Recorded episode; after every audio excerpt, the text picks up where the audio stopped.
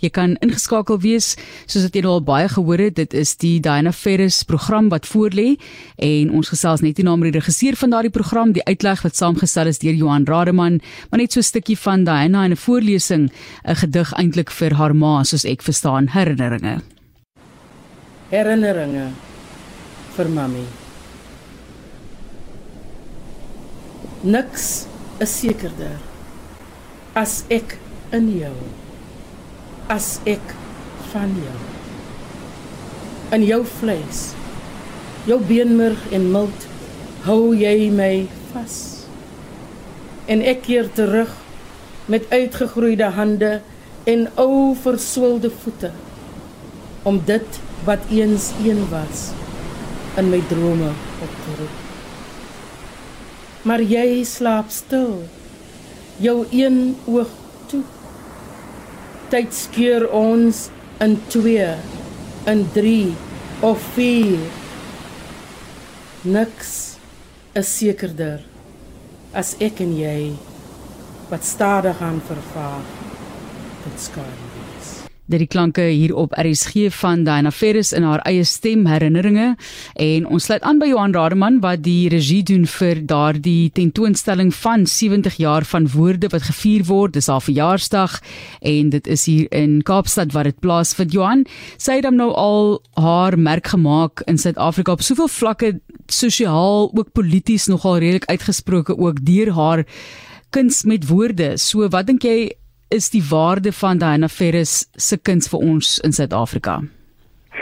Marlies, ek dink dat ehm um, daar 'n baie belangrike uh, seker van element betrokke is en teenwoordig is by Diana Ferris wat miskien by ander mense uh, ontbreek.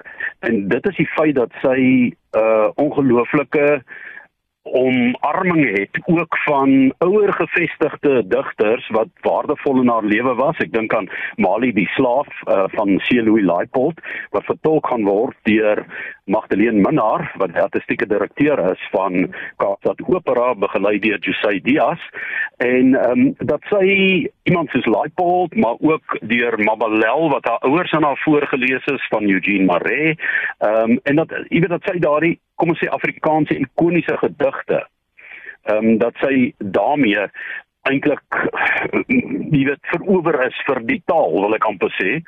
Sy was een van ses kinders wat groot geword het in die uh woester omgewing onder moeilike omstandighede. Dit gaan ons ook oorgesels, maar ek dink op die ou end is sy vervat in die Franse wetgewing toe sy die oorskot van Sarah Baartman um gesamentlik met 'n klomp mense teruggekry het in Suid-Afrika. Kom ons praat oor wat jy alles vanaand geleer het wat jy dalk nie voorheen van geweet het nie. Ek het jare gelede met daar die eerste keer kennis gemaak met die regering met die regering jy's ook van dokumentêr. Dit voel soos 20 jaar terug dink ek Johan, maar jou eerste kennismaking met haar en die indruk wat jy nou van haar het nadat jy eintlik so baie navorsing moet gaan doen om hierdie ding saam te stel. Wat is jou persoonlike ervaring van haar? Ja, ek het baie um, respek vir haar omdat uh, sy 'n aktivis was vir waarvoor sy gestaan het, maar terselfdertyd wêrelde saam met haar geneem het. Sy het probeer om brûe te bou deur Afrikaans en in Afrikaans. Sy het haar woorde laat tel tot in die Franse Senaat soos ek vroeër genoem het. Maar weet jy wat ek eintlik onder die indruk van gekom het? Diana het um, ehm, IWK toe gegaan en uh, dis destyds so smalend na verwys as die Bos Universiteit. Dis die wêreld van professor Jaap die Rand, uh professor Christo Pinaar wat by ons praatjies gehou het, Adam Small, ehm um, Dr Jake Gerwel, uh jy weet ek kan nou aangaan en 'n klomp name noem, maar is mense wat later ikoniese status bereik het op sekere vlakke en wat van die sogenaamde Bos Universiteit afgekom het. Nou die ironie is toe sy WK toe gegaan het, uh binne 6 maande is die universiteit gesluit want daar was ehm um, proteste optrede, studente onluste en toe hoe kon sy nie weer terug gaan nie. Sy het net bloot eenvoudig nie die geld gehad om terug te gaan nie. Sy het gaan werk en toe betrokke geraak en dit is waar my raakpunt met haar is. Sy het toe in die uh, Spice of die Ruimte Theater saam met Pieter Snyders, daai ek dink hulle was die uh groep 44 so uh klomp mense wat toe um, daar opgetree het in produksies en sy het by toneel betrokke geraak en um, dan ook ook by skryfskole en toe later teruggegaan en na akademies onderlê en uh, dit is fantasties as jy dit kan doen. Jy weet as jy nie net die pad byste raak nie, maar jou gefokusheid behou en toe betrokke geraak in die omgewing in die armoede en ek wil amper sê opstam dan ook van mense wat baie swaar gehad het in 'n ouer en 'n vroeër bedeling waar die plafon so naby aan hulle was dat hulle nie altyd deur daardie glasplafonne kon breek nie. En dit is wat my van haar uh, beïndruk het. Een van ses kinders, sy het in 'n skuilings in 'n agterplaas groot geword op 13 is 'n ouma van wie sy baie afhanklik was oorlede. Haar pa um, het 'n alkoholprobleem gehad. Hy het 'n posttraumatiese stres van die Tweede Wêreldoorlog gehad. Hy was in Tobruk, hy was 'n kruisgevangene. Sy het 'n Ierse agtergrond. Sy het hierdie kois se en ehm um, slaafse wêreld, slawiese agtergrond.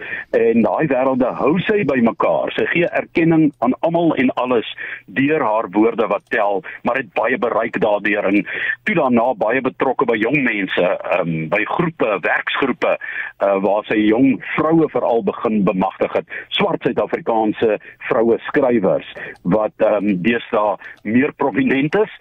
En uh, dit het my laat besef dat uh, sy 70 jaar se woorde het wat nie net geskryf is nie maar wat tel.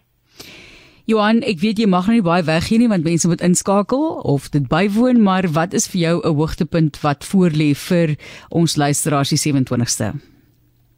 Wel, ehm um, Cohen Petrus is 'n meestersgraad student op Stellenbosch. Hy het drie gedigte van haar getoonset wat deur van sy studente maats daar uh, vertolk gaan word.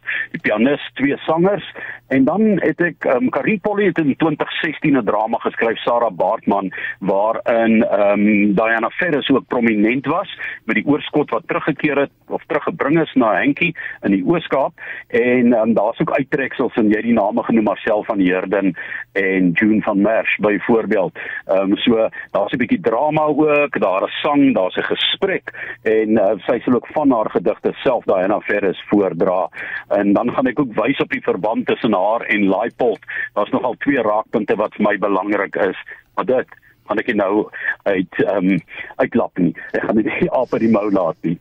Ja, so 'n program val nie net uit die lug uit nie, daar word baie werk en navorsing voor die tyd gedoen, soos wat jy moes as kry onthou vir Antjie Krog ook byvoorbeeld moes doen, um, om hierdie tipe van vertoning saam te stel. Johan Rademan wat die regie doen dan vir die program wat op RSG uitgesaai gaan word 27 Augustus.